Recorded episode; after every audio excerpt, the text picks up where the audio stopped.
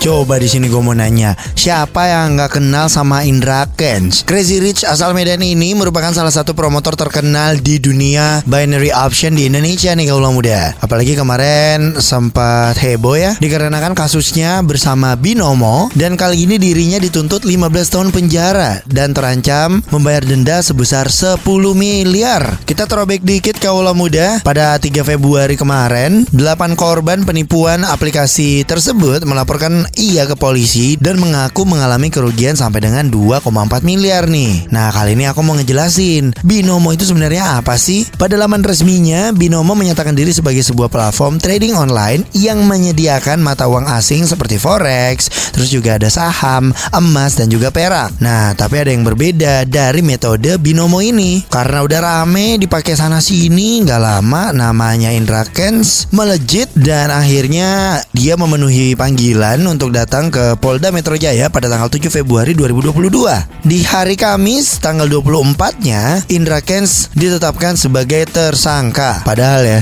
kalau throwback dikit nih kaula muda, dia tuh pernah mengisi lagu anti korupsi bareng KPK. Ya, yang namanya jejak digital emang susah ya untuk dihilangkan kaula muda. Terus juga aset-asetnya udah pada disita-sitain dan berbuntut dia di penjara selama kurang lebih 15 tahun penjara. Ya, kalau kata gua mah kerja yang halal-halal aja kaulah muda. Gak ada yang namanya instan. Logikanya ya Sesuatu yang instan Habisnya juga bakalan instan gak sih? Intinya mah Nyari duit boleh Bergaya boleh. Cuman jangan sampai Gaya hidup lebih banyak daripada Jumlah duit yang ada di dompet.